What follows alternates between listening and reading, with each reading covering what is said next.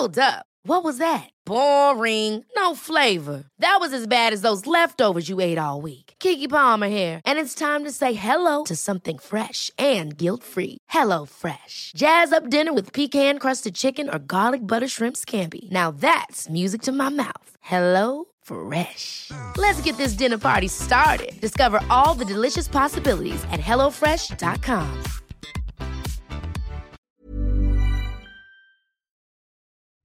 Den där. Den här bruden som du håller på med. Eller nyss älskade. Prata inte för mycket nu. Det här är en podd. Ja. Kan vi klippa tillbaka? Ja, jag får klippa i början. Nöden har ingen lag. Välkomna till ett nytt avsnitt av podcasten Cyril och Stig. Cyril, det är jag, Cyril Hellman. Stig är författaren Stig Larsson. Podcasten produceras av Storyhood. Först vill jag bara påminna om att vi har en ny workshop i kreativt skrivande. Denna gång i Berlin och det är framflyttat på grund av väderförhållanden från februari till mars. Och det blir från den 8 mars till 11 mars. Pris endast 5000 kronor. Vad kommer vi gå igenom Stig? Jag ser det att vi har hållit på med så med olika genrer. Både jag och du alltså. Du har ju hållit på mer med vissa journalistiska grejer som inte jag har gjort. Ja. Jag har ju hållit på med dramatik mycket. Va? Mm. Och även då poesi och så. Så vi kan hantera lite olika Och nu är vi inne genrer. på spänning också. Och då, ja, och det, det vi är intresserade av det är att se en snabb utveckling på samma sätt som vi gjorde i Paris. Precis. Det är det vi vill. Så eleverna får vara med och forma utbildningen. Och är ni då intresserade av att delta i den här workshopen för endast 5000 kronor. Mejla till cyrilochstig.gmail.com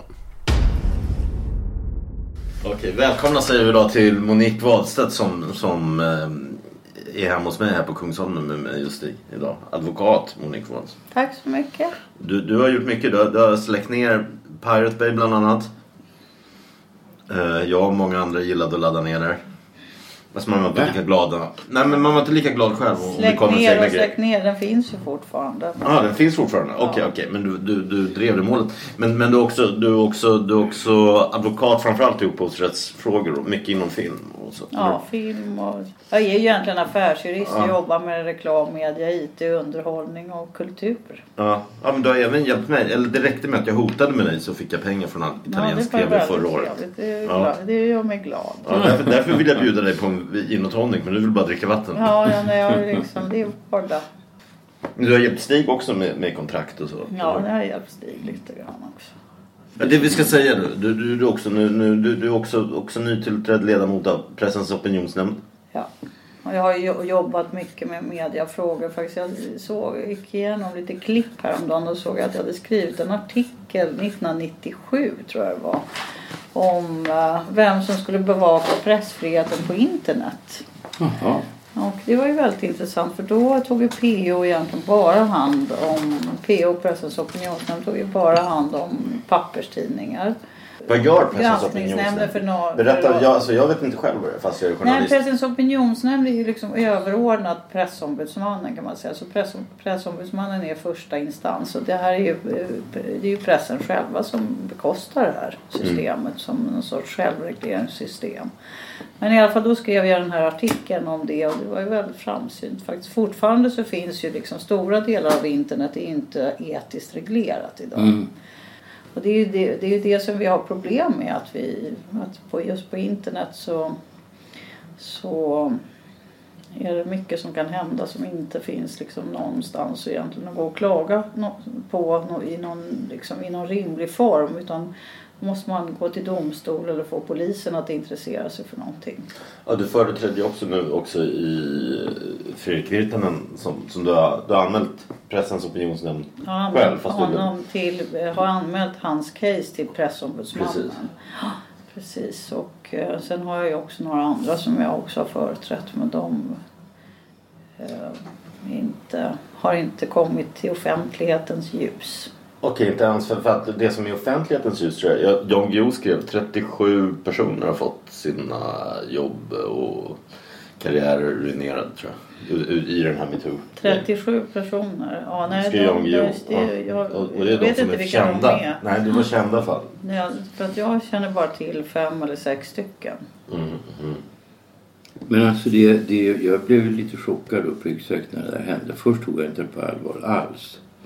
Sen har jag fattat att det verkligen var på allvar och att det blev effekter av det. Så då reagerade jag och faktiskt lite grann ungefär som jag brukar jämf- jämföra med min egen reaktion med folk på den här kvarterskrogen jag går på. Som, där de flesta kan man säga arbetare eller tandsköterskor eller kassörskor och sådär va. Och alla var liksom helt chockade. Vad är det frågan om? Så här får man ju inte göra.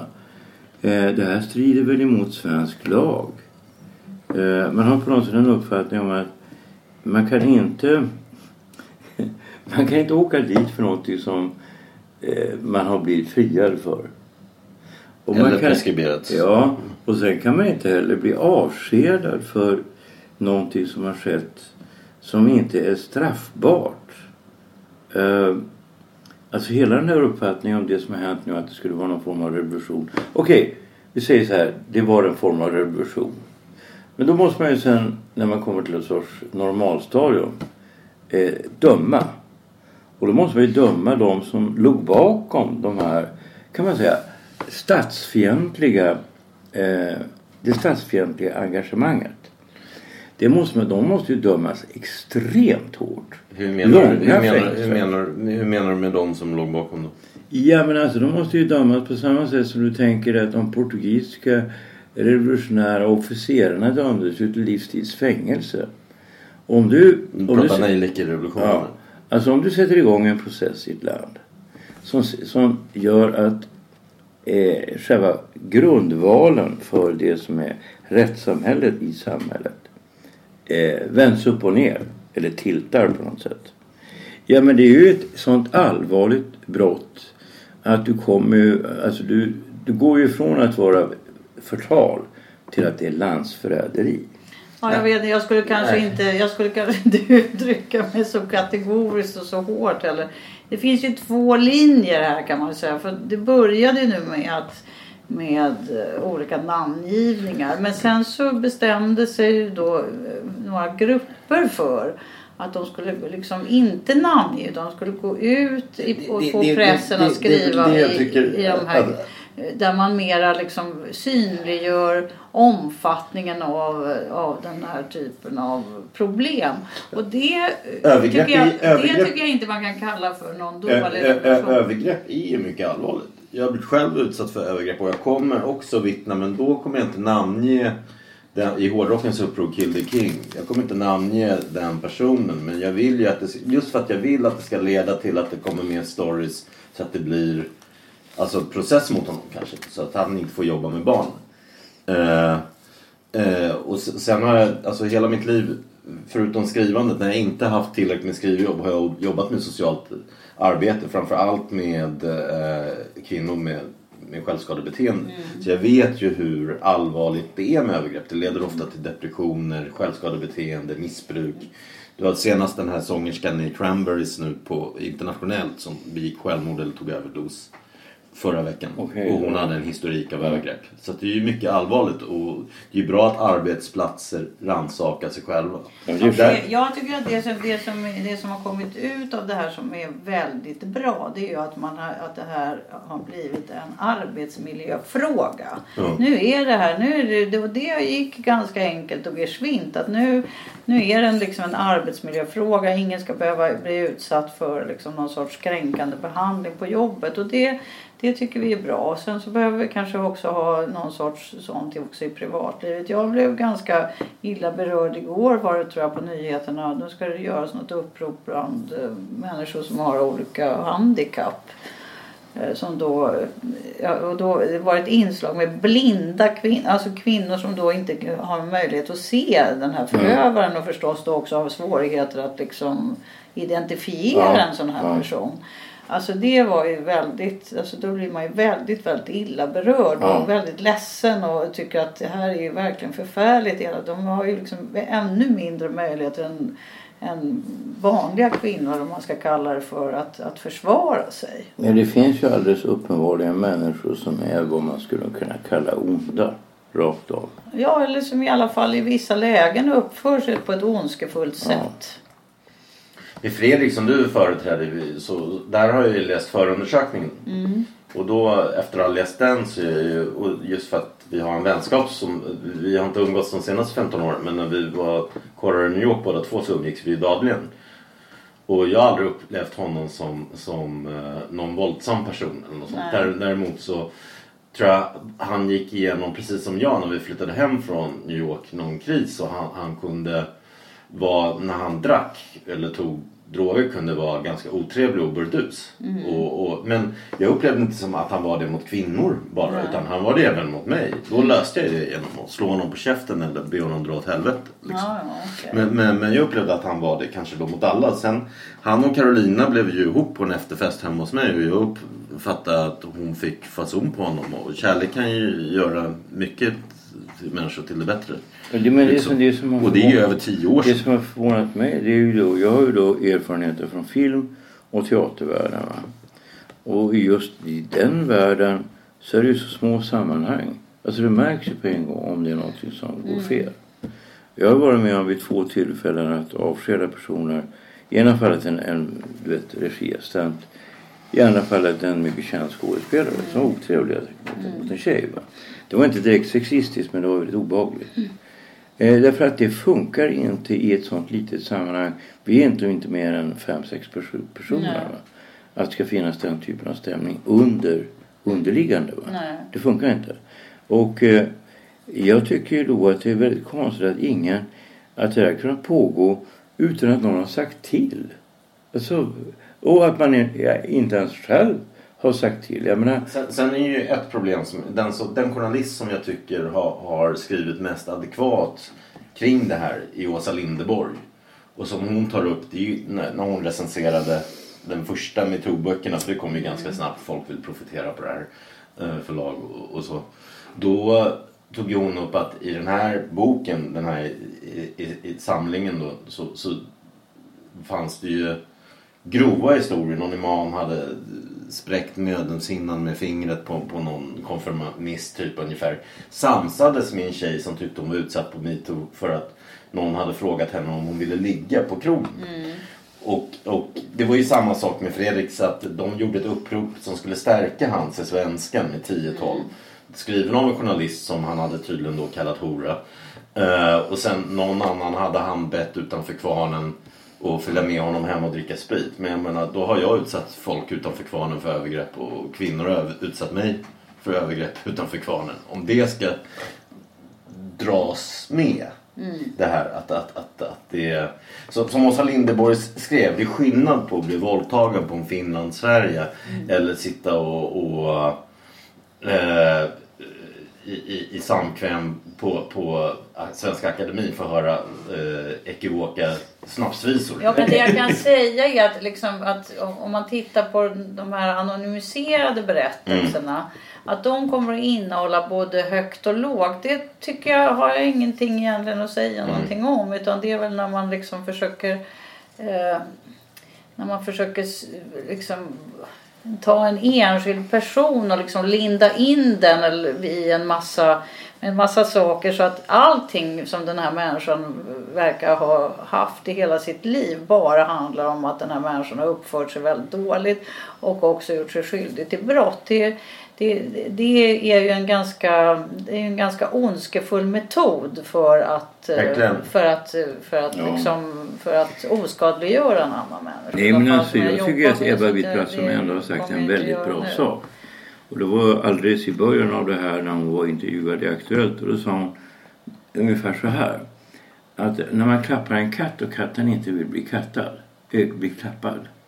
eh, Så märker man ju ganska snabbt att Mm. katten reagerar så. Då drar man ju bort handen. Och så måste det ju vara också för jag försöker för- sätta mig in i de här killarna. För jag har mig vetligen aldrig gjort någonting sånt dumt. Va? Nej. Eh, För skulle en tjej reagera negativt Mm. då skulle jag ju bli jävligt ställd och generad och dra mig fort som fan därifrån. Framförallt skulle du väl bett om ursäkt också förhoppningsvis?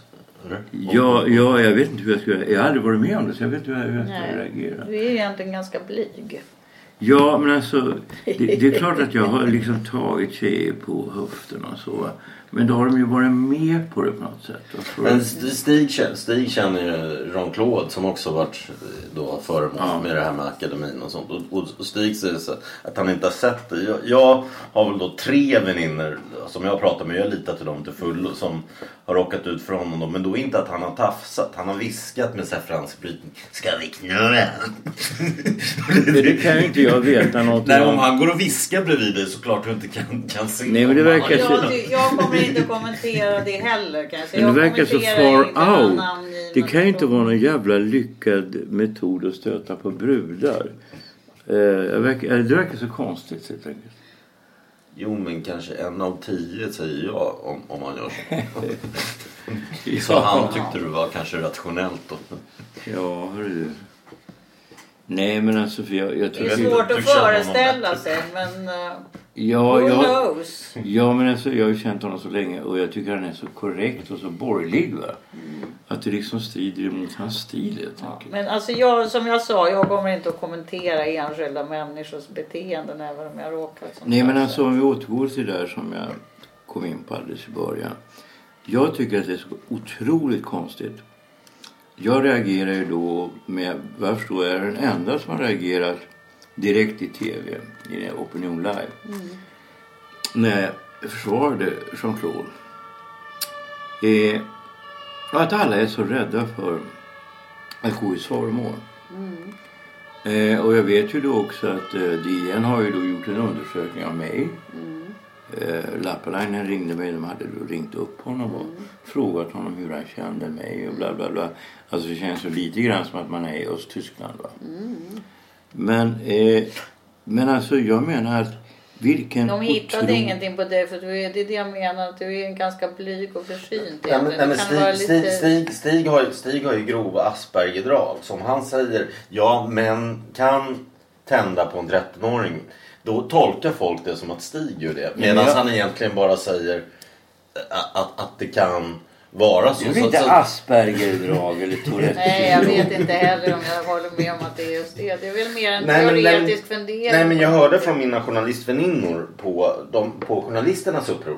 Där jag också skulle kunna egentligen också anmäla att jag blivit utsatt för metoo. För det var en kvinnlig chef som gick och frågade hur jag var i sängen till de andra på arbetsplatsen. Så jag anmälde henne. Inte egentligen för att jag led av det utan, utan mer för att jag tyckte det var kul. Att, att det vanligtvis är män som... Det kan hända också Så- motsatsvis. Precis, Det precis. är Men den listan kommer jag inte skriva på eller gå i om, om den händelsen. Men det däremot de här tjejerna sa som, som jag var inte inbjuden av gruppen. Kanske för att jag känner Stig. Men de försökte ju. Vad har vi på Stig? Vad har vi där? Och då, då sa jag nu är ni så goda. Den ena tjejen, den här, det är en gemensam väninna till mig och Stig. Som jag och Stig har hjälpt genom en våldtäktsrättegång. Jag bara nu är ni så goda och, och liksom säger vad Stig går för. Och då fick fa- faktiskt tack vare Stig fick hela den, gjorde den gruppen en markering. De blev rädda för sitt eget skinn också. Att vi kan inte bara hänga ut att nu måste man ha fog för, för grejerna.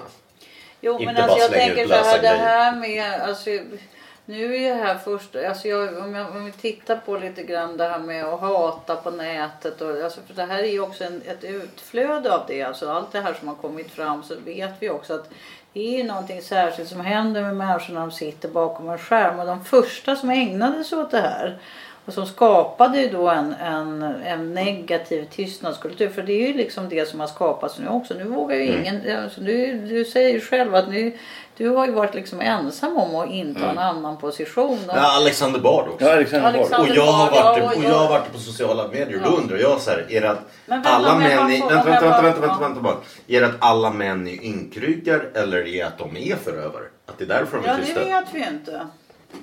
Men det, det, det, det vet jag faktiskt. Det måste ju du svara på. Du är man så du vet säkert mer om det än jag. Men vad jag ville säga var att att det började egentligen de första liksom näthatarna. De första som ägnade sig åt att, att, försöka, liksom, att försöka ge sig på enskilda individer och oskadliggöra dem. Det var ju, det var ju piraterna. Och Piraterna och deras första offer i Sverige det var faktiskt hemskt. Det var eh, artisten Petter. Petter gick Vilka är piraterna? Förklara. Alltså, först. alltså det, no, ja, det Varg det går ju och inte att säga eller? någonting. Alltså det är ju inte någon liksom... Alltså de här trollen? eller? Nej, Nej. jag menar alltså de som De ägnar som sig åt i- i- fildelning. Ja, ja, okej, Det okej, pratar vi om ganska tidigt Ja. 2000-tal och då gick Petter ut i en debattartikel och förklarade varför han tyckte att det var viktigt att man faktiskt betalade för sin musik och, Mm. och berättade om hur han såg på det och sådär. Och han blev utsatt för en sån extrem kampanj, negativ kampanj så att han slutade göra musik i flera år. Ja, som Metallica i USA. Det var lite Nej men alltså han blev så, han blev så, han blev så illa berörd över den här Ja. liksom strömmen av, av skräp som kastades över honom. Och sen har ju det där fortsatt i den rörelsen och, sen, och på något sätt så, så verkar det som att eh, Ja, jag vet inte. Alltså, det finns ju positiva saker av det här med internet. Att man kan sprida saker och ting på olika sätt. Men liksom, och att man ska ha konsumentmakt och sådär. Men det, det får ju också liksom väldigt konstiga konsekvenser. Jag menar nu plötsligt så, så, så pågår det olika typer av attacker mot H&M på grund av den där tröjan. Ja, visst, exempel. precis. Och mamman det, och har det, själv ah, sagt Det att finns inte... inte- en rimlig eh, människa som tror att H&M är ett rasistiskt företag. Att det kan förekomma liksom felhanteringar som gör att man gör saker och ting. Men alltså det är på något sätt som att alla har blivit Alltså så fort som det ges utrymme för att sätta igång en, en kampanj så är det som att det finns liksom ett uppdämt behov av att eh, krossa någon. någon Men annan. jag, jag Som bara- som bara kommer ut men, i men, den här- H&M uppfattade jag tyckte Johanna Keli satte i en krönika eh, han satte fingret på det som jag kände att det, det är ju i betraktarens öga. Om du ser den här lilla killen där det står Monkey. Absolut. Då Men, är det alltså, du som är men rasist. alltså, som- just som gör nu råkar det vara så att det är H&M som är avsändare av det här. Det, Mm. fi- det finns ingen, ingen människa som tror att H&M är ett rasistiskt företag. Nej, men alltså. Alltså det är inte det, utan då, då får- det jättekonstiga proportioner.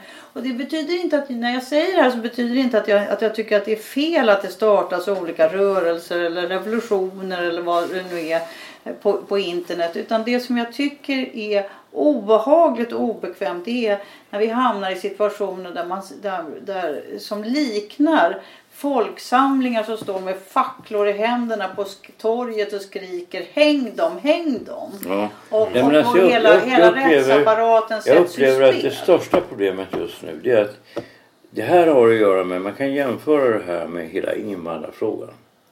Därför att så länge det finns ett glapp emellan en stor majoritet av befolkningen och journalister, intellektuella och de som talar i media och så vidare. Va? Eh, så uppstår ett gigantiskt problem.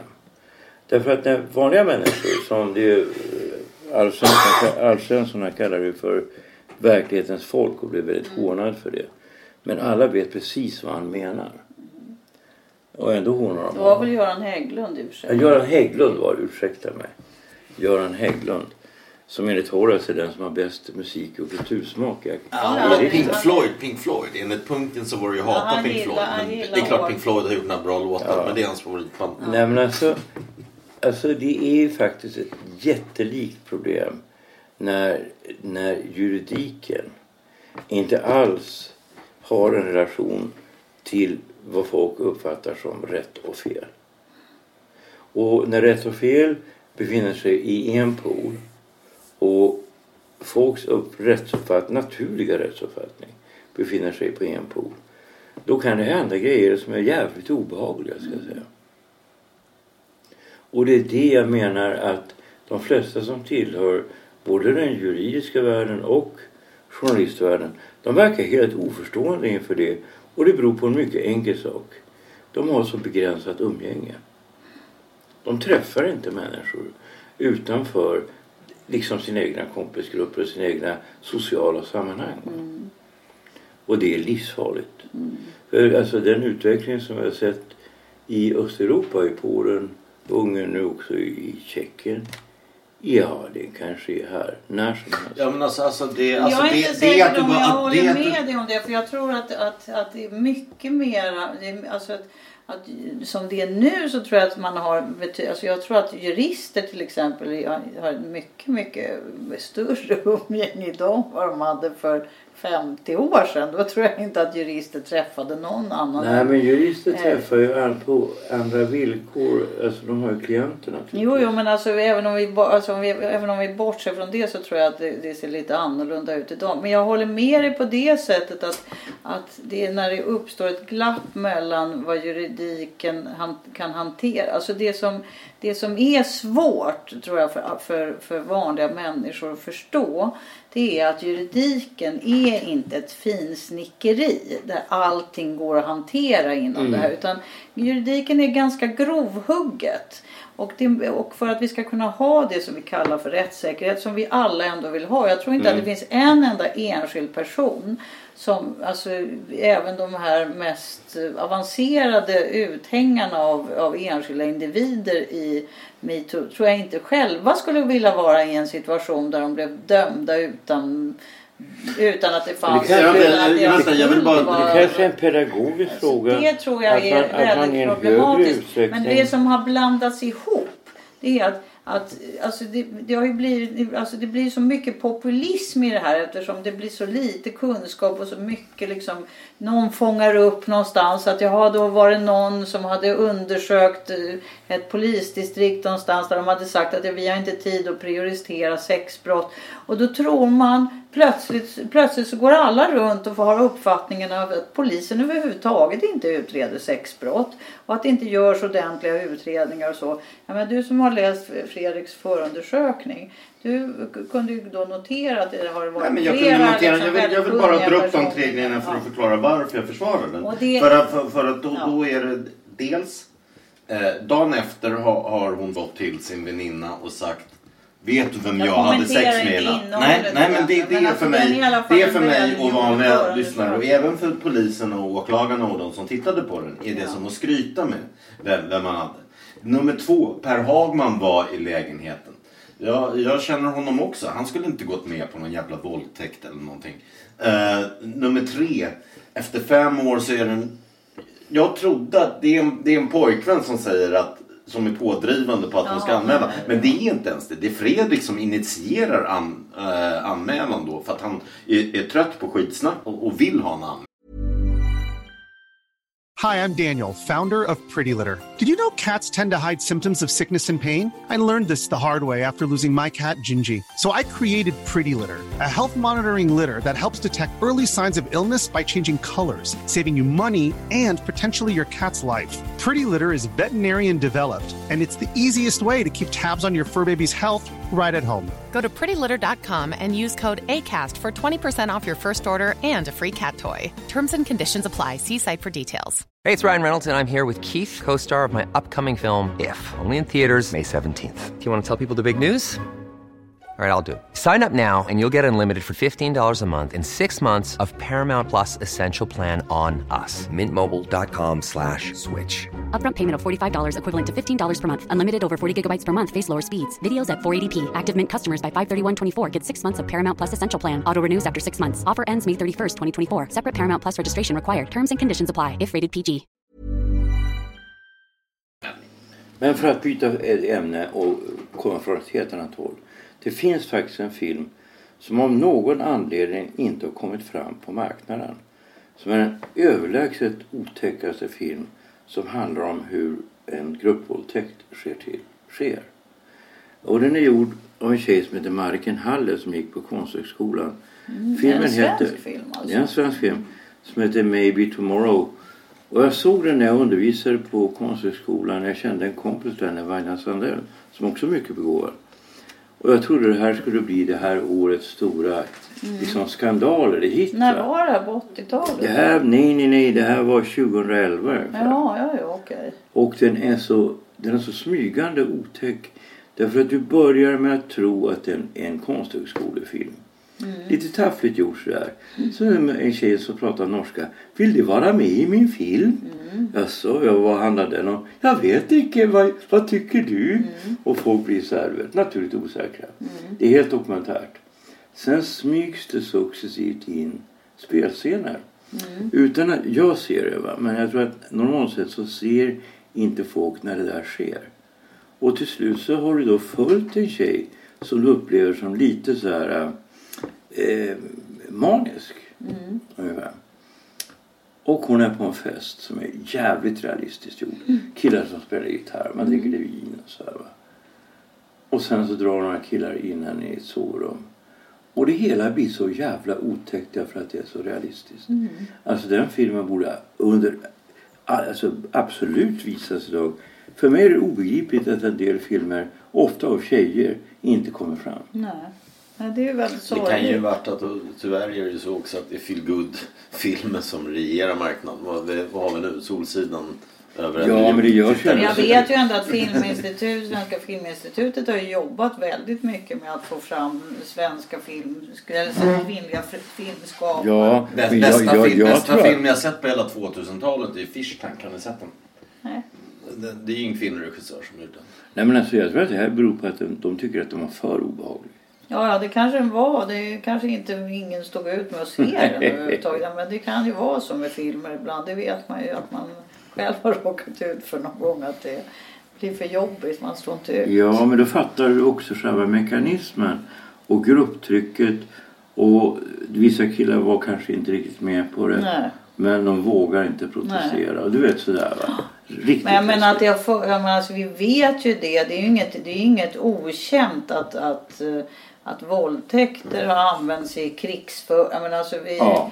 Och att det var en del av liksom krigsbytet var kvinnor. Och, Ja, i- alltså, jag var ju med i man. Även innan det när det bara var stammar olika så spelade kvinnor från andra stammar. och Jag var tog med i PG nu i Syrien och Ja, det är ju liksom- det som Isis har, har gjort. Och, Ja, just Nej, men jag- jag hur, också hur varit- det jag fungerar rent fysiskt hos de här männen som ska göra det förstår jag däremot inte. Men Nej, alltså jag, jag har också Det varit med om en gång en, på en fest. Alltså jag bara varit med om vid tre tillfällen något jag skulle beskriva som sexuella trakasserier. Och det var på en fest bland ganska kända människor. Och eh, sen så när föräldrarna går därifrån så börjar festen urarta och en av killarna börjar tafsa på tjejer. Och de säger lägg av. Och det är inte, jag är inte tillsammans med någon av de här Nej. tjejerna. Så jag tänker ju att de här kill, pojkvännerna Ja, börjar ja. liksom. Men till slut säger jag till dem alltså nu lägger du av. Du kan inte göra så här. Eller så jag klipper till dig. Mm. Eh, och så fortsätter han. Så jag klippte till var honom. han full då eller? Ja, det var klart Ja. lite full. Du vet vem det är dessutom. Ja, ja, Och, och jag klipper till honom. Men han är ju mycket större än vad jag är. Så han Ja. brottar ju ner mig. Ja, så herregud. ger du dig nu då? Ger du dig? ja men du är mycket större än mig. Vad fan ska jag göra? Jag Du var ju, det, det- var ju också den för, efter, det här med, med Fredrik och, och, och journalistgropen så var det ju Dramaten, Tystnadtagning och det. Som Eva Röse och många så här, typ kv- kvinnor ändå som, som, som ändå liksom gillar verkligen drog, drog igång. Så att det verkar ju varit mycket där. Men jag tänker så här, om jag, får fråga, om jag får ställa en fråga Mm. till dig. så Tycker du att du har fått för stort utrymme? Hur då? Nej men alltså genom att vara någon sorts manligt geni. Och, tycker du att du har blivit liksom uppburen? Och... Ja det var ju naturligtvis framförallt under åren mellan 85 och 95. Eller något sånt där. och, eh, och det var ju naturligtvis någonting som jag själv utnyttjade. Det kan man säga. Och jag tyckte inte heller att det var fel. Vad fan vad var det för fel med det? På vilket sätt utnyttjar du? Ja men alltså tjejer ville ha sex med mig och jag ville ha sex med dem. För att få roller eller? Nej! Fan alltså jag har aldrig varit med om att ge en tjej att, alltså när du söker roller va. Så händer det väl kanske vid något tillfälle att tjejer stöter på Jag har aldrig besvarat det. Av moraliska skäl. För det känns ju precis som att gå till en prostituerad. Så skulle jag aldrig göra. Jag är för moralisk. Nej men att tjejer har varit attraherade av dig för att du har haft en sorts ställning i Så, samhället. så är det väl naturligtvis och det är ju inte så jävla konstigt.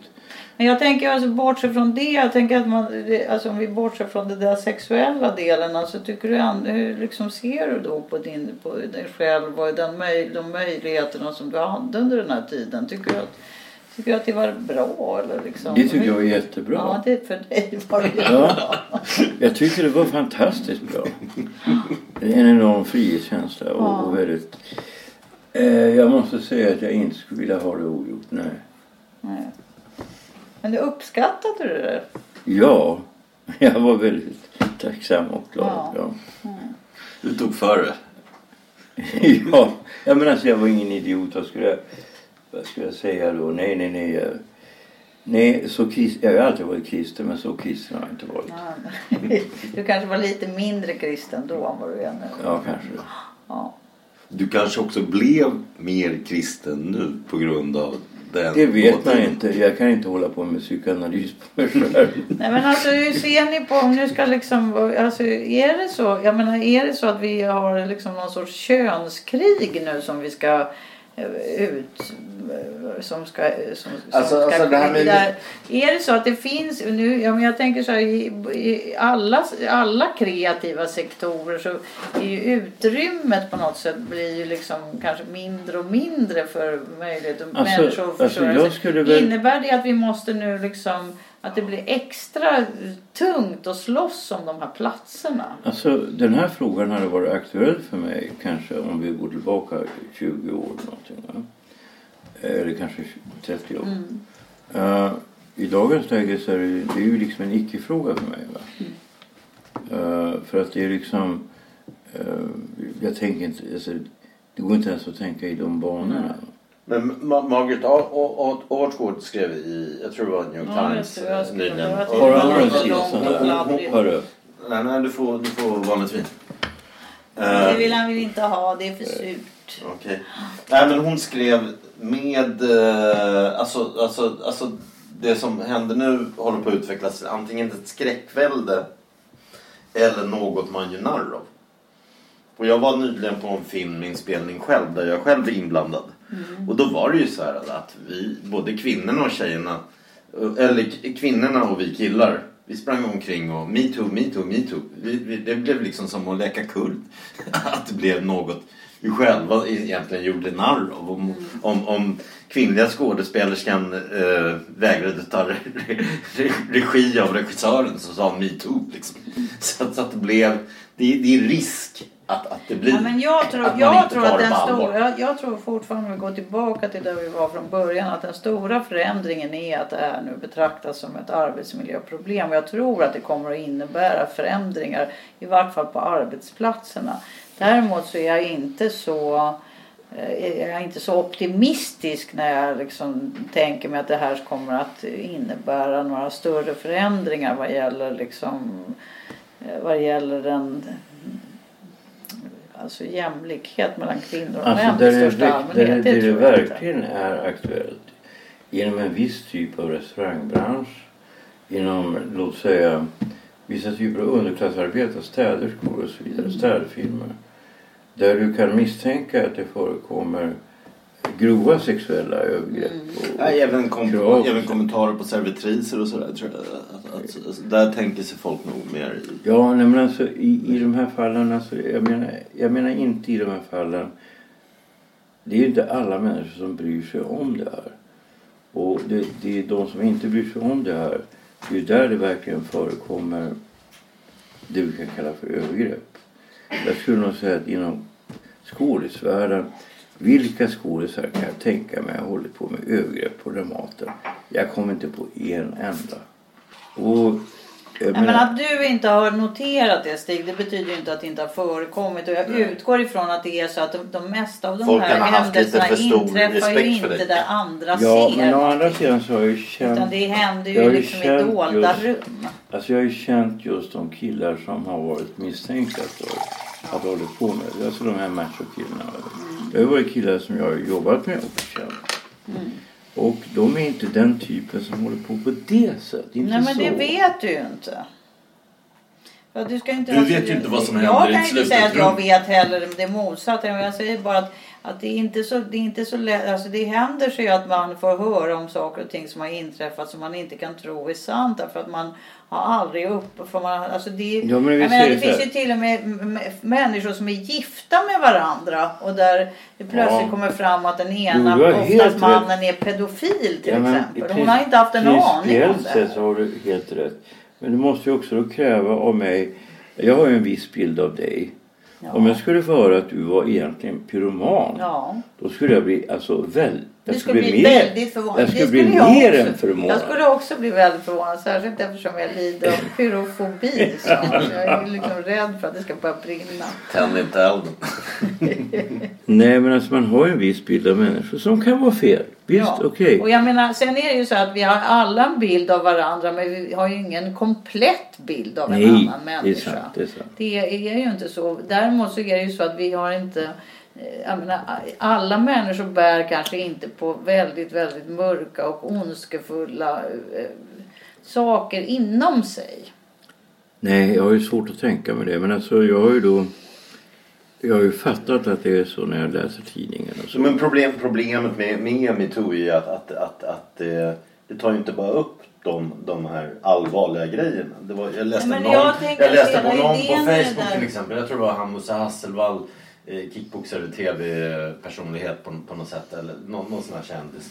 Liksom, eh, hur han skrev om att han ifrågasatte sin egen manlighet för att han hade tafsat på sin fru eller om det var flickvän. Men det kan varit fru i köket. Jag menar, om jag inte hade tafsat på min flickvän någon gång i köket då tycker jag hon ska snarare göra slut på med mig. Liksom. Men jag tänker att det är inte så lätt att vara, framförallt att vara ung man idag och förstå liksom hur man ska göra och inte göra. Det kan jag absolut föreställa mig att det kan finnas sådana problem att förstå. Men jag, alltså jag är inte liksom, jag är inte för eller emot metoo men jag är emot. Jag är definitivt emot att man ska hänga ut enskilda individer.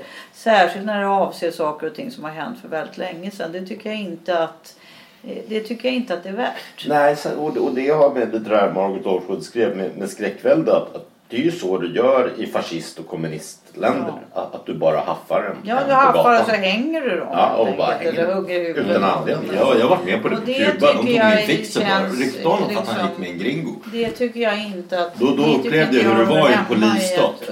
Och, och det tycker jag det här är också då lite ja, att Ja, och sen så blir det också lite random. Alltså, vi, och, och liksom, jaha, de ska hängas ut och bli av med heder och ära men andra ska klara sig. Och, och sen så, och det blir liksom inte, det, det blir ingen, och jag tror inte heller att, eh, att egentligen en sån här eh, att det är kontraproduktivt därför att alltså, nu, nu säger du att det är 37 stycken som jag, Ja, Jan Guillou skrev det. Ja, jag vet inte. Jag känner inte till så många. Men oavsett om det är liksom... Om man vill beskriva det här som är någonting som... Jag menar alltså att, att bli född som kvinna är liksom inte en present. Om det är någon som tror det. Att, liksom, att växa upp som, som, som flicka det är liksom inte... Det är ingen, det är ingen gåva från Gud. Alltså det trodde jag. Ja, ja, nej, men så är, det ju liksom, så är det ju verkligen inte. Och jag tror, inte att, jag tror att det finns väldigt, väldigt få kvinnor som inte från ganska tidig ålder har råkat ut i vart fall för blottare och liksom Jo, jo. gubbar som gnider sig mot en på tunnelbanan. Alltså det är liksom, det här är någonting som, som, liksom, som kvinnor får liksom lära sig på något sätt att att det, det händer, alltså det är inte så att man får lära sig att man ska acceptera det men det händer ju att man, och att, och att det finns skamkänslor kring det här. Att man, jag menar, alltså det är inget, man vill inte gå hem och berätta för sin mamma att man, det var en blottare i backen upp till ridskolan eller något sånt där. Det vill man inte gärna säga. Alltså jag vet inte varför det är liksom att det är inte kanske att man känner sig skyldig för att det har hänt utan för att det pinsamt. Man vill inte prata med sina föräldrar Nej, men, alltså, men, men saker. det där har inte bara med kvinnor. Jag var ju liksom så här långårig androgyn när jag var tonåring. Och, Ja. och det var ju liksom det var, det var ju filmregissörer, det var, det var skivbolagsfolk som hela tiden var på en och då insåg man ju att, och sen lärde man sig ganska snabbt att de var pedofiler. Ja. Eller, eller, eller, bögar med gossekärlek. Ja. Nej, nej, men jag säger inte att det här inte händer pojkar också. så- men jag så- kan säga att det händer i princip alla kvinnor. Men det händer inte alla. Men sen kan vi vara överens om att det är män. Där är det också män som är som är Ja, oftast förövare. mig med, med Jag var ihop med min kvinnliga kontaktman i och för sig också. Det är fanns klart att det, att det är bra att vi liksom försöker belysa det här. Att det inte är, att det är liksom, jag, jag ser, jag ser ju själv att ni blir förvånade här när jag säger att det, att det inte är någon present. Men det är det verkligen Ja. inte. Nej, Så det tycker jag verkar bra. Det är väl liksom ett steg och i någon sorts bra riktning. Men att hänga ut enskilda individer menar jag också är kontraproduktivt. Därför att då får man ju liksom intryck av att det här är några enskilda rötägg och att det inte är liksom en ganska utbredd företeelse. Ska vi sluta? Ja, eller om vi inte ska diskutera något av Moniques andra jobb. Nej, men jag tänkte bara att till exempel en... en, en eh, för det måste ju nästan stått internationellt. När du släckte ner Pirate Bay. Det kan å andra sidan inte varit så svårt att misslyckas med det fallet heller eftersom... Men det var ju många som tog de där Pirate...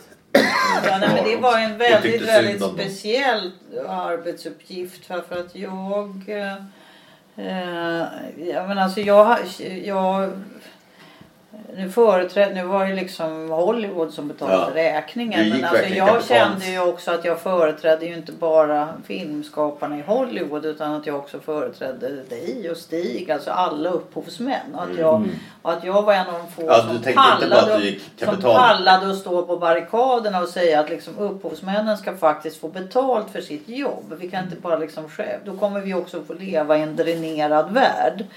Eh, och eh, Därför så var, tyckte jag att det här var väldigt viktigt. Jag var ju väldigt säker på att rättssystemet skulle kunna hantera det här. Men jag kan säga att det fanns professorer i, i alltså juristprofessorer som är samma specialitet som jag. Som typ skrattade mig bakom ryggen när jag sa att de skulle åka i fängelse. Men alltså det var jag ganska säker på. Ja, men jag vet, jag var ju med Horace en gång jag var till riksdagen. Och jag blev faktiskt riktigt ordentligt chockad. Alltså, vi, vi tänkte vi får väl gå dit som representanter för författarna. Va? Och så satt vi oss där. Och nivån på sättet som de snackade. Alltså bortsett från Karin Pilsäter och Beatrice Ask som ändå var ganska intelligenta. va? Eh, och som också då var emot då det här med Pirate Bay. Men de här miljöpartisterna, vänsterpartisterna och sossarna men även centerpartisterna. De var liksom, men ungdomen måste ju få göra, de är ju nyfikna och de Ja. måste ju få. Det, det, jag tyckte var, Nej, nej, det, men jag alltså, tyckte det, var det var praktiskt med... Det jag tyck, och det var också väldigt problematiskt att bli liksom utmålad som om man var Goliat när man det egentligen var häxa. David. Faktiskt. Jag kände ju att det var jag som var the poor lonesome cowboy. Det var jag som var Clint Eastwood. Det var inte dem. Nej, men det Men i det. Historien så kommer jag ju aldrig att beskrivas som någonting annat. Om jag i den mån jag nu överhuvudtaget skulle bli påkommen så kommer jag inte i alla fall beskrivas som någonting annat än en, en sorts Nej, men företrädare jag- för Goliat. Jag, jag tyckte Pirate Bay var, var bekvämt för man, man kunde få tag på allt man ville. Det var till exempel där jag senast såg Stigs VD laddade ner. Utan att betala mig. Men hur skulle jag annars få tag på den? Den finns Nej, inte men på jag DVD. säga att det är ganska... Däremot så blev jag vansinnig när mina egna grejer Ja, just, men det var är ju, där. det är alltså man kan väl säga att det är sto, de stora grejerna på Pirate Bay är ju inte liksom Stigs VD. Nej. Utan det, är- det, är liksom, det är ju så att svårtillgängliga filmer de finns ju inte på Pirate Bay heller. Den fanns VD. Ja, just det. Den, ja, det måste varit någon som... Grötbögen ville jag ha också men den fanns inte. Jo, det finns också tydligen. På Pirate. På SVT Play. Nej, Pirate Bay snackar vi Ja, om. men det finns på SVT Play. Ja, okej. Jag måste försöka få tag på det SVT Play. Jag har inte sett Ja, den det är väldigt enkelt. Är bara gå in och skriva SVT Ja. Play i en, i en webbläsare. Eh, nej men så att det, det var ju väldigt speciellt. Men det, alltså, det, det man ska också förstå det var ju då att ja, alltså, det var ju också lite samma typ av rörelse som metoo. Där man hade en stor opinion och, och liksom, där man hade ett rättssystem. Och där, där på det sättet så liknar det här där man har ett rättssystem som säger en sak medan man har en allmänhet som tycker någonting annat.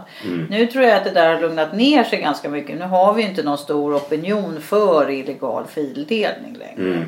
Utan, det, och det, utan det pågår ju förstås fortfarande men, men det betyder Nej, jag inte tror att att de, har det fixat rätt. tror jag, bättre verktyg. För jag fick nu min senaste bok, Spelet och spelet. Den blev... Så fort den kom på e-bok, efter en vecka så hamnade den på sajter där man kunde ladda ner den. Så jag blev tokig och ringde Bonniers. Och jag tror att deras jurister skrämde upp dem där totalt. Ja. För nu finns den inte längre. Nej, men jag vet i Tyskland men där, det var där ju är det så Nej, hårda... då är det Danmark kvar i sådana Alltså i Tyskland är det så hårda straff. Horace är ju väldigt förtjust i Tyskland. Ja just det. Och eh, han säger att nej men där funkar lagstiftningen. För någon av hans söner hade laddat ner någonting. Fick han en räkning på 30 000. Ja just det. Nej, men jag vet att de gör det. där, men det- Tyskland har till och med satt de hör låtar. För den här dokumentären jag gjorde med Torsten. Då hade jag Gimme Shelter på, på min kladdkopia. Har jag den som musik. Och så, ladd, så, så mejlade den länken till Johanna Ryttel som bodde i Tyskland och min kompis. Och, eh, hon kunde inte se den för att Stones hade ett märke att ja, han har inte betalt oss. Men det i jag Tyskland. tyckte i alla fall var fint i den här Pirate Bay-historien det var ju att, liksom att, att rättssystemet höll. Ja. Att domarna, trots att de blev utsatta för oerhörda påfrestningar alltså, och försö- alltså, det var Jo, men- letades överallt för att hitta skit om den ena domaren efter den andra. Så stod liksom rättssystemet pall och liksom tillämpade lagen. Och det tycker jag att vi ska vara väldigt stolta över. Att vi har ett rättssystem som faktiskt pallar en väldigt, väldigt stark Man får opinion. hoppas att det är samma sak när det gäller det här med metoo. Att rättssystemet håller och att de vågar ställa sig emot pressen. Och vad, kan, alltså, vad får de för straff? Det här är pressens opinion. Ja, men om man skulle nu vad, vad får de för straff? Får de det betala är- någonting? Förtalsmålen är väldigt speciella i Sverige på det sättet att dels måste man anmäla det själv. Till polis. Alltså polisen kan inte bara själv ta upp ett förtal för det rör ju liksom den personliga integriteten och det tycker vi är väldigt viktigt då. Men sen är det också så här att åklagarna de ska, inte, de ska inte ta hand om den här typen av mål om det inte finns är påkallat av ett allmänt intresse. Och det betyder att det är bara i de fall där det, där det avser väldigt, väldigt allvarliga anklagelser som har påverkat enskilda människor på ett väldigt påtagligt sätt där åklagare driver förtalsmål. Sen har vi ju justitiekanslern då som, som ju, alltså, och då pratar vi om vanliga för, alltså så, över sånt som händer på Instagram eller så. Sen har vi då justitiekanslern som kan driva mål mot, mot press och mot radio och tv och så.